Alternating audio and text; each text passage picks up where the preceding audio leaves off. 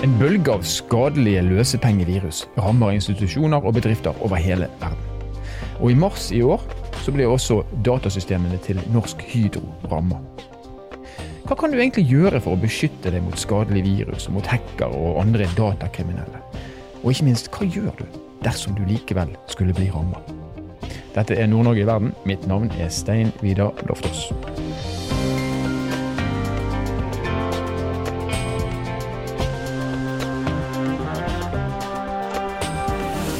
Omfattende dataangrep mot Hydro med krav om løsepenger. Kripos, PST og Det var ved midnatt norsk tid Hydro oppdaget at det var noe alvorlig galt med datasystemene. Norsk Hydro ble altså i mars i år rammet av et løsepengevirus.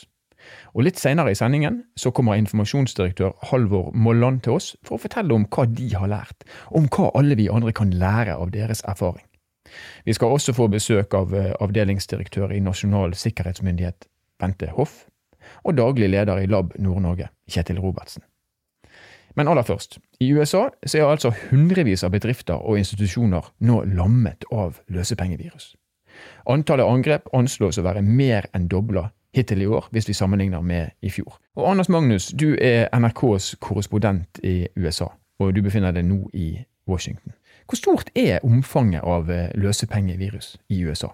Det er veldig stort, og det har økt ganske kraftig de siste årene. Ehm, det er jo vanskelig å beregne det, fordi svært mange bedrifter oppgir jo ikke eh, at de har blitt utsatt for dette. Eh, enten fordi de syns det er pinlig, eller fordi de ikke ønsker å informere sine ehm, aksjonærer f.eks. om at eh, her har det blitt betalt ut penger som kanskje noen ville synes ikke var korrekt. Beregninger som er gjort av industrien selv, sier at eh, i fjor, 2018, ble utbetalt eh, rundt 70 milliarder kroner til eh, folk som truer med slik kidnappings... Eller som har kidnappet datasystemene til bedrifter og foretak. Og 95% av dette er utbetalt i bitcoin. Så det er jo snakk om store summer, og det er jo også snakk om en økning, en sterk økning fra eh, i fjor og fra eh, året før. Eh, så dette her har blitt et økende problem. Når det har blitt så, et så stort problem, så må jo også bedrifter og offentlige institusjoner investere mer i datasikkerhet. Og her i USA så bruker man jo nå 125 milliarder kroner i året på, på datasikkerhet. Men vet vi hvem det er som står bak dette? Det er forskjellige grupper. Det kan være privatpersoner, det kan være eh, hackergrupper som har gått sammen om å gjøre dette. Det kan være folk i alle land. Det er blitt avslørt eh, hackere både i Vest-Europa, Russland og ikke minst i Nord-Korea. Nordkoreanerne er veldig gode på dette de skaffer seg ganske mye hard valuta gjennom eh, å kidnappe datasystemer eh, i eh, Vesten, bl.a. Også datasystemer i Russland har blitt, har blitt kidnappet av nordkoreanerne. Så de har, de, har, de har, utviklet dette her til å bli en, en, en, skikkelig industri, en statsdrevet industri så å si, mens de andre land nok er mer privat initiativ. Vi vet jo ikke så mye, fordi det er sjelden at noen blir avslørt. Men, eh, men, det er jo også grunn til å tro at eh, f.eks. gode hackere i Russland, Kina, Vest-Europa, som til dels jobber for myndighetene, også kan ha dette som en såkalt side business. At at de driver litt kidnapping på, på egen hånd for å tjene penger. Og så vet vi jo at i USA så er det jo mange ting som slåss om oppmerksomheten. Vi har Trump, vi har handelskriger osv. Får løsepengevirus og ransomware får det oppmerksomhet i, eh, i, USA? Ja da, det var jo, eh, det var jo en eh, veldig mye omtalt sak her nylig når hele Baltimore by, som jo er hovedstaden i delstaten Maryland, som ligger rett nord her for Eh, for eh, Washington DC, hvor jeg sitter. Eh, den, deres datasystemer ble kidnappet, og det ble forlangt utbetalt 750 000 kroner for å gi tilbake dataene. Nå gjorde ikke byen det. Eh, de, eh, de, mistet alt og måtte bruke rundt 170 millioner kroner på å gjenopprette sine datasystemer. Og det var reist en del kritikk mot myndighetene i Baltimore for at de ikke betalte med en gang. Dette ville kostet skattebetalerne mye mindre. Så svarer da myndighetene at de har fått anbefalt fra føderale eh, myndigheter, også fra FBI, altså det føderale politiet, om ikke å betale. Det er klart at Hvis man betaler, så øker jo dette problemet sannsynligvis bare i omfang andre steder. Og så har de også fått beskjed at eh, det er ikke sikkert man får tilbake dataene sine selv om man betaler, eh, og det kan fortsatt være mer Eh, mer virus i systemet som ikke blir fjernet, slik at man kan bli utsatt for nytt, en ny slik kidnapping om kort tid etterpå. Så Mønsteret her i USA er vel at de store byene som har blitt utsatt for dette, sånn som Atlanta og Baltimore, de har ikke betalt, mens mindre kommuner har betalt. Og sannsynligvis også veldig mange små bedrifter har betalt fordi de vet at de kommer til å måtte bruke så enormt mye mer penger på å eh, få tilbake dataene sine, eller bygge opp alt igjen på nytt, hvis det er det de må, enn hvis de betaler eh, eh. Hva med hacking, da? Ja, dette er jo samme teknikkene. Dette er jo hackere som bruker sine kunnskaper til å, å komme inn i andres datasystemer og, eh, og, og sperre, sperre de. Og dette gjør man jo gjennom eh, hovedsakelig gjennom to måter. Det ene er såkalte sikkerhetshull, og der har jo eh, Microsoft sine gamle systemer. Eh, de har jo hatt en del sikkerhetshull. og Hvis det da er offentlige myndigheter eller bedrifter som bruker gamle eh, utgaver av operativsystemet til Microsoft, så er det kjempelett å komme inn der. Så Det er den ene måten. Den andre måten er jo å plassere Eh, disse kidnappingsprogrammene i e-poster som vedlegg. Eh, det var det som skjedde da alle e-postene til Hillary Clinton ble kidnappet. Eller de ble jo rett og slett stjålet av russiske hackere og overlatt til eh, Wikileaks. Det var fordi at en av de viktigste medarbeiderne til Hillary Clinton åpnet en e-post som han trodde var sikker. Han trodde det var fra en kollega så viste det at den var fra russiske hackere, som da tok kontroll over hele datasystemet og stjal alle e-postene. Men disse, denne type programmer gjennom vedlegg til e-poster kan også brukes til å kidnappe hele datasystemet der hvor de slipper inn. Og så er det alltid slik at Når det oppstår ny kriminalitet, så kommer det også ny forsikring. Og I USA så er det blitt god butikk å selge forsikringer for løsepenger, eh, løsepengevirus. Vet vi om denne type forsikringer i seg sjøl er med på å øke omfanget av kriminaliteten? Altså De kriminelle ser jo da at eh, det er kanskje enklere å få utbetalt penger. Vil, vil det kunne medføre at, eh, at det øker? Ja, de, det er jo mange bedrifter som forsøker å sikre seg både ved at de investerer i datasikkerhet, eh, økt oppdatering av systemene sine og gjennom firmaer som, som driver på med slikt. Dette har vi jo f.eks. i NRK så har vi også slike, slike løsninger, men ofte så vil de være litt på etterskudd etter de flinkeste hackerne. Og da trenger man forsikring. Og dette har blitt en økende industri. Og det er klart at i den grad eh, bedriftene får utbetalt eh, penger for eh, å ha blitt kidnappet og kan betale dette videre til de som kidnapper, så vil jo dette øke omfang. Fordi det blir ikke noe kostnad for bedriftene å bare utbetale løsepengesummen. Og, og det, det, kan nok også være flere mindre Eh, byer og kommuner i USA som eh, gjør det på den måten. Og det øker selvfølgelig omfanget når, når hackerne ser at de får betalt. Tusen takk til deg, Anders Magnus, NRKs korrespondent i USA.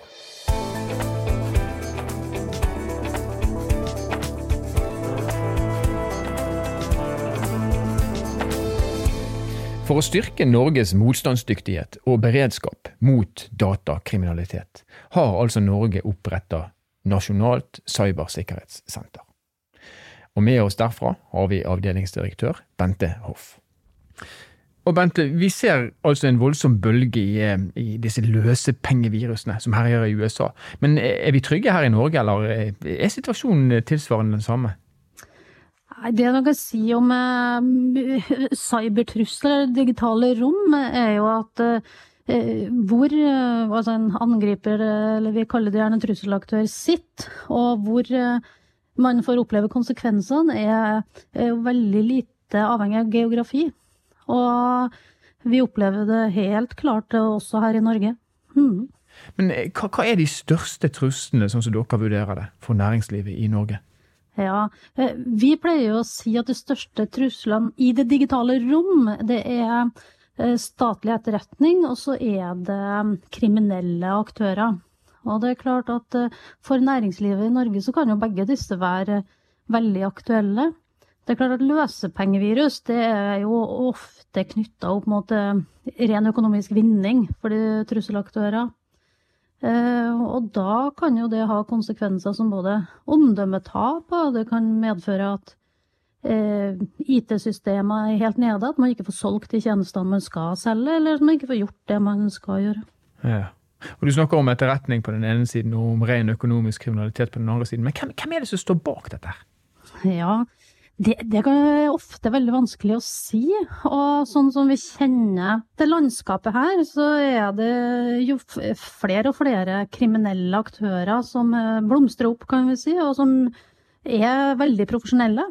Og så kan det også være at de kriminelle grupperingene da, tar seg betalt av egentlig hvem det skal være, enten det er statlig etterretning eller de tar inn eh, si, inntektene fra kriminaliteten i egen lomme, eller om du jobber på på oppdrag fra andre kriminelle igjen. Det her er ofte veldig sammensatt og vanskelig å si.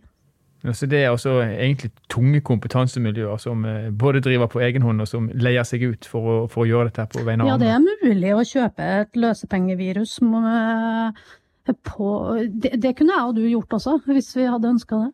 Ja, Det skal vi ikke gjøre.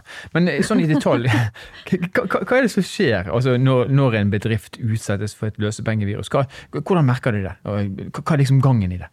Nei, det man først merker, er jo at eh, et eller annet låser seg med de IT-systemene man bruker, og så får man en beskjed, gjerne på skjermen, om at eh, nå har, eh, er det et eh, krypteringsvirus, og så må man betale seg ut av det. Og da kan det jo være med bitcoins eller eh, man, Trusselaktøren vil jo gjerne at man skal betale med noe som er anonymt betalingsmiddel. Mm, akkurat, så ikke det kan spores. Mm. Mm. Men eh, eh, hvis man, altså løsepengevirus, eh, skiller det seg fra andre former for hacking eller andre former for virus på noen måte, eller er det det samme bare med, med en annen type krav igjen? Altså De metodene som brukes på å komme seg inn i et system og så gjøre en form skade, det er veldig likt både for løsepengevirus eller om det er eh, noen som forsøker å stjele informasjon, industrispionasje f.eks., eller kryptomining, altså at man eh, bryter seg inn for å stjele maskinkraft for å produsere kryptovaluta. Eh, det finnes mange forskjellige typer av eh, datakriminalitet, og metodene som brukes er ganske like, men måten det ser ut, eller resultatet for den som blir utsatt for det, ser jo litt annerledes ut. Mm. Og hva, hva, hva, gjør man? Hva er de gode rådene for, eh, for bedriftene i Norge for å beskytte seg mot dette?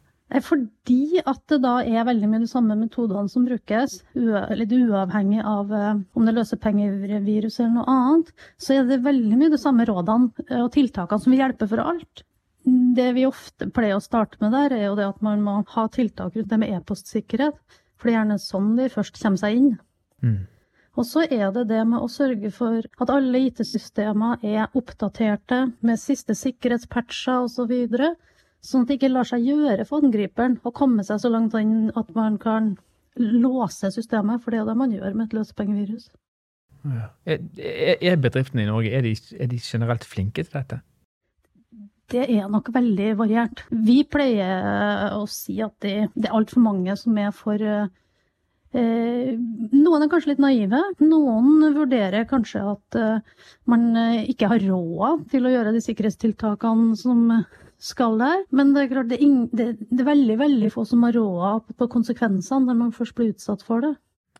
La oss nå si at man er uheldig, eh, hvis man kan kalle det for det, og blir utsatt for, eh, for et slikt angrep, og man blir da krevd for løsepenger. Hva gjør man? Mm. Da er det litt uh, forskjellige steder å starte, men det aller, aller første er jo hvis man har en profesjonell IT-leverandør, eh, hvis du har noen som er vant til å håndtere det her, tilknytta deg, så tar du kontakt med de så fort som mulig. Mm. Um, og så er det jo sånn at både vi i Nasjonal sikkerhetsmyndighet og politiet også eh, er kontaktpunkter eh, når det skjer sånne ting. Men det er også sånn at virksomheten må ha forberedt seg på at dette kan skje, sånn at man vet hvilken profesjonell leverandør, eller om man klarer det selv, hva skal man gjøre når det først skjer? Det å ha en plan for det, det er noe virksomheten må gjøre. Og så er det nesten et uh, spørsmål som jeg må stille, men som jeg aner mm. svaret på. Bør man under noen omstendigheter betale de kravene man uh, måtte få? Nei, det, det, anbefaler vi ikke. Og så er det flere grunner til det. Da. Det ene er jo selvfølgelig at da understøtter man jo kriminell aktivitet. Men det andre er også at man har ingen garanti for uh, at man faktisk vil få låst opp systemene igjen hvis man betaler. Man ser jo også at de samme kriminelle aktørene da vil kunne gjøre det igjen og igjen. Så man er ikke mm. nødvendigvis eh, kvitt problemet. Så ikke betal. Det er ikke rådet. betal. Eh, også, I dag vet vi jo altså nå har jo dette med hacking og, og virusspredning og alt, det, jo, det, er jo ikke nytt. Det har jo eh, versert over veldig mange år, og mange er blitt flinke til å beskytte seg mot det. Men dere som ser eh, denne sfæren her fra et sånt, eh, hva skal jeg kalle det for, overvåknings, eh, overvåkingsvinkel, hvor, hvor, mange angrep gjennomføres daglig i, i Norge? Ja, det er et veldig godt spørsmål. Og så finnes det ikke et helt konkret svar på det. Eh, og det skyldes litt av det som mange måter å telle på. Er det f.eks. et angrep hvis man bare har fått en e-post med et vedlegg der eh, en aktør forsøker seg? Når starter man å telle det som et angrep? En annen måte å svare på er at vi har egentlig slutta å telle angrep, fordi at det er så mye. At vi eh, syns ikke det er så interessant lenger. Det som er mer interessant, er hvor godt klarer man å beskytte seg. Og så ser vi jo selvfølgelig på hvor ofte det får skikkelig alvorlige konsekvenser. Det som er litt typisk med løsepengevirus, er jo at man ofte krever veldig små beløp av mange. Sånn at eh, om noen betaler, da, så er det tydeligvis en eh, forretning eh, i det. Og det finnes mye mørketall her også som vi ikke kjenner til. Det er litt lett å, altså Når man leser og hører om alt som skjer på nettet, så er det litt lett å, å, å, å på en måte bli litt paranoid. Og du som kan så mye om datasikkerhet, hvor paranoid bør man være? Er det slik at man bør dekke til kameraet på PC-en sin osv.? Her tror jeg vi skal Her må man skille veldig på hva man eh, Altså, jeg gir jo helt andre råd når jeg snakker med eh, sentrale norske virksomheter enn når jeg snakker med mine foreldre. Mm. Så vi må Det er litt som med trafikksikkerhet. Vi lever jo med at eh, det å befinne seg i trafikken er eh, risiko, men vi gjør det jo fortsatt. Så det er, dreier seg mest om å lære seg en del teknikker som gjør at risikoen er akseptabel, og så bringer jo den digitale verden det bringer jo mest godt med seg. Ja. Tusen takk skal du ha, Bente Hoff.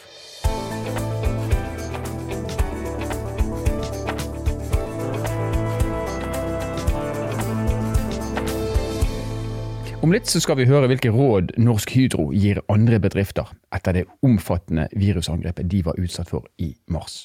Men aller først så skal vi til Tromsø. Og her i studio med oss nå har vi Kjetil Robertsen. Og Kjetil, du er altså daglig leder i Lab Nord-Norge. Hva er Lab Nord-Norge? Ja, Lab Nord-Norge er jo ei helt nyetablert eh, satsing som eh, gjøres mot næringslivet i landsdelen. Vi ser for oss å, å hjelpe næringslivet til å modernisere, følge opp på de utfordringene som, som er i dag med bruk av digitale verktøy osv. for mm. å bli mer effektiv. Og Data og digitalisering det har vi jo hørt om i en årrekke. og Dette som vi snakker om i dag, dette som har med den mørke siden av eh, data, det er òg et tema som dere kommer til å, til å, se på. Det er helt klart at uh, datasikkerhet er i høysetet hos oss, men vi har jo også fokus på ikke bare det maskintekniske, men også det menneskelige. For det dreier seg jo om menneskelig atferd til syvende og sist. Teknologien er blitt så bra i dag at den stopper det meste av det som skjer, men det er ofte vi menneskene som feiler. Men det finnes en rekke forskjellige typer for svindel i dag. Tidligere, så, eller i den spede begynnelsen, så snakka man om hackere som egentlig skulle tulle med deg, eller som kanskje skulle ødelegge noe, og i dag så har det gått mye lenger. Jeg har f.eks. blitt oppringt denne uken seks ganger fra et nummer i Tsjad. Og jeg er jo godt opplært, så jeg har ikke svart på telefonen. Men, men gi oss et lite innblikk i, i denne, altså, denne skogen av forskjellige typer svindler. Hvorfor oppstår det? Altså, Det hele dreier seg jo om å tjene penger. Det er det, det alt, alt, er hovedmålet med. Og dette med at man ringer opp til deg, eh, legger på, eh, du ser du får et tapt anrop, eh, og du ringer tilbake igjen, så kanskje den samtalen koster deg ei krone eller to kroner, eller kanskje ti kroner. Eh, og så tjener de da eh, på de mikrotransaksjonene som blir hver gang noen ringer tilbake igjen på dette nummeret. Mm. Det andre er jo eh, CEO-fraud, eller direktørsvindel, som vi kaller det for i Norge. Det er jo det at man får en e-post eller en, telefon, en SMS på telefon fra sin leder, eller kanskje sjefen over sjefen, med beskjed om å, å gjøre en hasteutbetaling til et kontonummer da i utlandet. Eh, og det må skje fort, eh, og det er skrevet på veldig godt norsk, riktig formulert osv., og, så og du reagerer ikke på det, og du har gjerne respekt for sjefen, og prøver å få det gjort så fort som overhodet mulig. Og dermed så har noen da klart å få penger til, eh, til utlandet. Men det er også nye ting på gang nå. Jeg leste nylig om deepfake. Deepfake. Hva, hva, hva ligger i det? Ja, Deepfake har man jo hatt nå eh, et drøyt eh, par år, kanskje, men det har hovedsakelig dreid seg om bilder fram til nå, der man samler inn eh, masse bilder av personer. Man putter det inn i en datamaskin, og så gjør datamaskinen da en masse jobb. Og putter det ansiktet på en, på en typisk på en filmsnutt fra før av, og får det til å se ut som at det er en annen person da, som er i denne filmen. Det ser helt ekte ut, og du klarer nesten ikke å se forskjell på om det, om det er reelt eller ikke. Men det du antageligvis har lest de siste dagene, det er at eh, det har, vi har klart å gjøre det samme innenfor tale, altså måten vi prater på. Man samler inn en masse lydklipp, putter det inn i en datamaskin, eh, og så kan man få en person da til å si eh, ting han aldri har sagt, eller hun aldri har sagt før. Så for eksempel så er det sånn at hvis man tar podkasten til Nord-Norge i verden, samler inn alle klippene til alt det du har sagt gjennom alle episodene, Sten Vidar, så, så kan man altså da analysere det, putte det inn i datamaskinen, og så kan man få deg til å si ting som du aldri har sagt, eh, f.eks. i media, eh, som du vil ha problemer med å kunne forsvare, for det høres så utrolig ekte ut. Wow. Det hørtes ikke bra ut. Dette er rene pengemessige transaksjoner. Og så har du de som da går inn, som vi skal eh, snakke om siden med Hydro, går inn og låser hele nettverk. Helt klart. Og, og, og kommer med krav om løsepenger, gjerne i bitcoins. I hvert fall det det vi stort sett har sett. Hva gjør man? Hvis man opplever det. Kommer på kontoret en morgen, slår på PC-en, og så står det du er stengt ute fra nettverket ditt, vi ødelegger alt i løpet av kort tid hvis ikke du betaler. Hva gjør man da? Ja, Det første man gjør, er jo rett og slett å kontakte politiet. For det her er jo kriminalitet, eh, og det er pri én. Og det er fortsatt de som har det, største ansvaret for, for kriminalitet i Norge. Eh, så etterpå det igjen så tar man kontakt med eh, sikkerhetsbyrå, eh, konsulentselskap osv. for å få hjelp. Hvis man ikke har ei større bedrifter har gjerne ei IT-avdeling som, som, har kontroll på det, men for de aller fleste så vil det være å ta kontakt med profesjonelle for å få hjelp til det her. Nord-Norge er en skog av små og mellomstore bedrifter. Veldig mange små bedrifter. Eh, har disse et forhold til denne type sikkerhetsforanstaltninger? Nei, de fleste har nok ikke det. De har eh, kanskje gjerne outsourca alt sammen, eller har forhåpentligvis lagt dataene sine i skyen hos en stor, sikker skyleverandør. Så skulle dataene bli kryptert, så er det mulig til å rulle tilbake igjen til, til gårsdagen osv. Eh, men de fleste har nok ikke det. De har fokus på sin daglige drift, sørger for at pengene kommer inn på sin måte. Eh, og datasikkerhet kommer gjerne da i tredje, og fjerde og femte rekke, kanskje. Og hvis du skal gi tre tommelfingerråd, eller de tre beste rådene dere til, eh, til både bedrifter og til, eh, til vanlige mennesker i, i landsdelen, hva, hva, vil de være? Jeg tenker at det vil være generell opplæring. Eh, ikke trykk på alt du får av vedlegg på e-posten, men, men, bruk hodet. Se litt på avsender på e-post osv., på det du får der. Det er viktig å ha gode backup-rutiner. Det vil alle oppdage etter hvert som de har fått kryptert harddisken sin, eller de klikker på et eller annet, så at alle bildene fra de siste tiårene er nå blitt borte. Eh, det kan være regnskap, økonomi i bedriften osv. Eh, det er helt klart eh, viktige ting å tenke på. Så har du jo dette med at det finnes jo f.eks. selskap, større selskaper som, som, har erfaring med det her og kan bistå og hjelpe og dele sine erfaringer. så man ikke går på det. Det er lett å tenke at nei, datasikkerhet er noe som ikke treffer oss i Nord-Norge, men at det er noe som bare skjer i de største bedriftene, kanskje sørafor eller i utlandet. Men det, det, er like aktuelt for, for nordnorske næringslivet også. Og vi møter det i sterkere og sterkere grad. Takk skal du ha, Kjetil Robertsen, daglig leder i Lab Nord-Norge. Vi har fått med oss eh, informasjonsdirektør i Norsk Hydro, Halvor Molland. Og Halvor, aller først, fortell hva du tenkte når du hørte at dere var, eh, var angrepet og ja, ramma av et løsepengevirus. Jeg ble jo varsla på, på, natta, og eh, vi møttes jo i beredskapsteamet på, på hovedkontoret vårt på, på Vekkerøy i Oslo. Eh, etter, etter, kort tid og tidlig på, på morgenen. Og når, eh, når, omfanget da blir tydelig, så er det jo en, en blanda følelse. Du sitter med en slags følelse som du på, på toppen av den første svingen i en berg-og-dal-bane. Og den følelsen fortsetter jo i, i ukevis. Samtidig som at vi, vi har jo trent på på, sånne ting før, og eh, er jo en trent beredskapsorganisasjon. Så vi går jo rett på arbeidsoppgavene og må jobbe oss gjennom det. Men dette er jo en, er jo en situasjon som der òg du i en brann eller en annen hendelse, så har du noe fysisk å forholde deg til. Her er det jo det er, ingen, det er ikke noe du kan fysisk se eh, i den andre enden som, som står bak et eh, angrep. Så her er det jo viktig at hele organisasjonen da mobiliserer og, og trekker sammen. Sånn at For oss så var dette var det en kontrollert øvelse å gå gjennom de, de planene vi hadde og, og forberedt. Mm. Men vil du si at dere var forberedt på at noe, noe som, slik som dette her kunne skje? Ja, det, dette har jo vært på en av de risikoene vi har sett eh, og, og, planlagt for. Mm. Eh, men likevel, det er jo vanskelig å se for seg det omfanget til slutt hadde. Eh, vi hadde jo ikke i, i øvelser og um, treninger vi har hatt, så har vi jo eksempelvis uh, aldri trent med den massive uh, det massive angrepet som, som, var nå, og at vi ikke hadde, hadde tilgang på, på PC-er, printer eller, noe. At all, hele nettverket var nede. Sånn at den bredden i angrepet eh, var større enn da vi, vi hadde, vi hadde sånn trent på i praksis. Men, men, dette var jo et scenario som, som vi hadde forberedt. Eh, hva, hva, gjorde dere etter at eh, angrepet ble oppdaga? Ja, altså, vi oppdaga jo eh, De første tegna så vi jo eh, rundt midnatt eh, natt til 19. mars.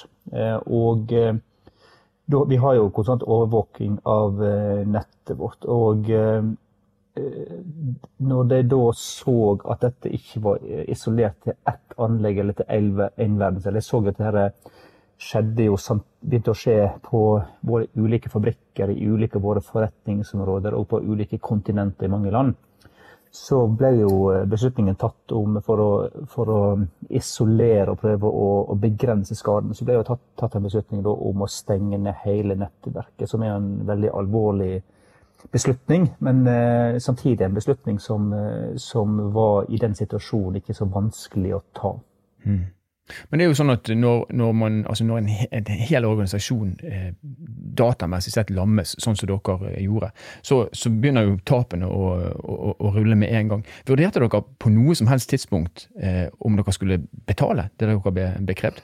Nei, det var ikke en eh, beslutning som ble, ble vurdert hos oss. Vi eh, tok jo umiddelbart beslutningen om å, om å, jobbe med å få fram en backup. Eh, jeg skal begynne å restarte våre, systemer via, via, backup. Og det har jo blitt bekrefta for så vidt senere av, av, andre selskaper som har, som har forsøkt å betale. Eh, og de, de, de har opplevd, er jo at eh, ødeleggelsen blir så stor underveis at, eh, at da å at hackerne klarer å dekryptere noen filer ikke har hjulpet så, så veldig når det kom til, kom til stykket. Sånn at, mm. uh, men vi hadde, hadde, det var aldri en vurdering hos oss uh, om å betale. Vi gikk direkte på å uh, se på våre backup-systemer. Mm, Vet dere, Har dere oversikt over hva de totale kostnadene ble for, for Hydro etter denne, denne saken? her?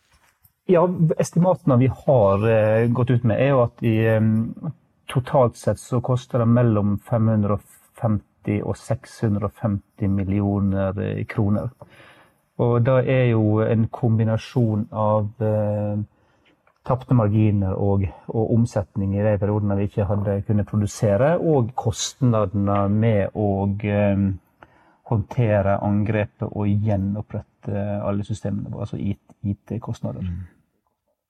Så selv om eh, disse kriminelle som sto bak dette ikke tjente noe på det, så ble det formidable kostnader for Norsk Hydro. Men vet dere hvem de var, de som, eh, de som gjorde dette?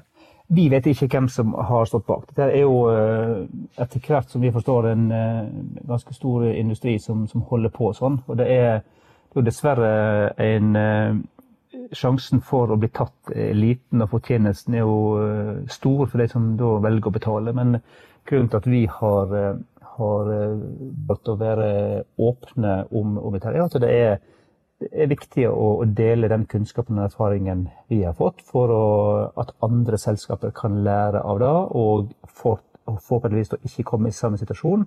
Og Samtidig så har vi hatt et veldig godt samarbeid med, med norsk politi og, og Kripos og, og NSM, eh, Nasjonal sikkerhetsmyndighet, som, som da eh, har Vi har gitt full tilgang til, til våre funn og, og systemer. sånn de har, har, da hatt mulighet til å etterforske. Vi anmeldte dette til, til politiet umiddelbart, sånn at eh, de har hatt en mulighet til, til å etterforske. Og også, det er jo kombinasjonen der med, med at myndighetene etterforsker og at uh, andre selskaper kan lære, vil jo forhåpentligvis gjøre at dette blir vi klarer å, og motvirke fremtidige angrep.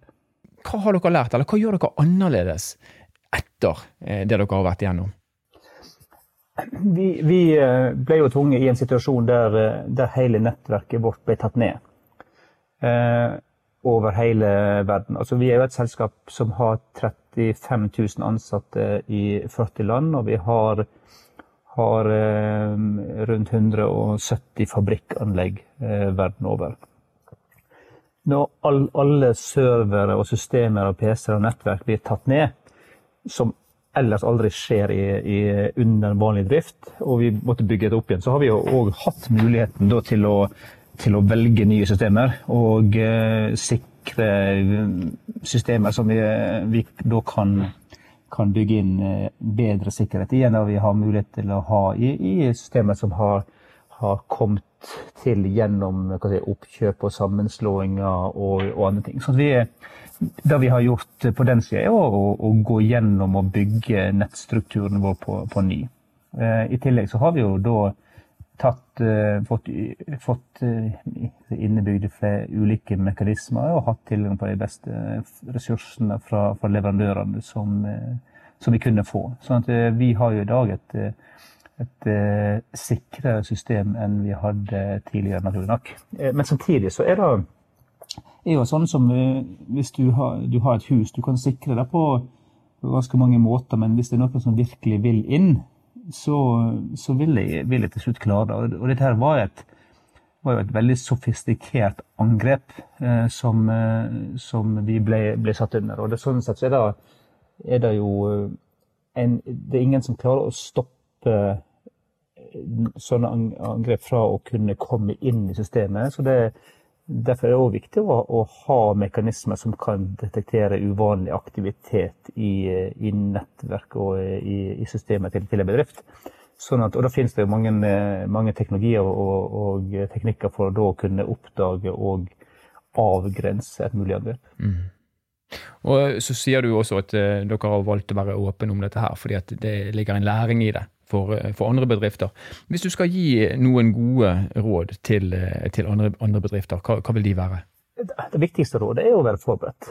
Eh, og se på dette som en, eh, noe som òg kan skje, og tenke gjennom hva ville du gjort hvis, du, hvis eh, ingen av datasystemene dine var tilgjengelige. Mm.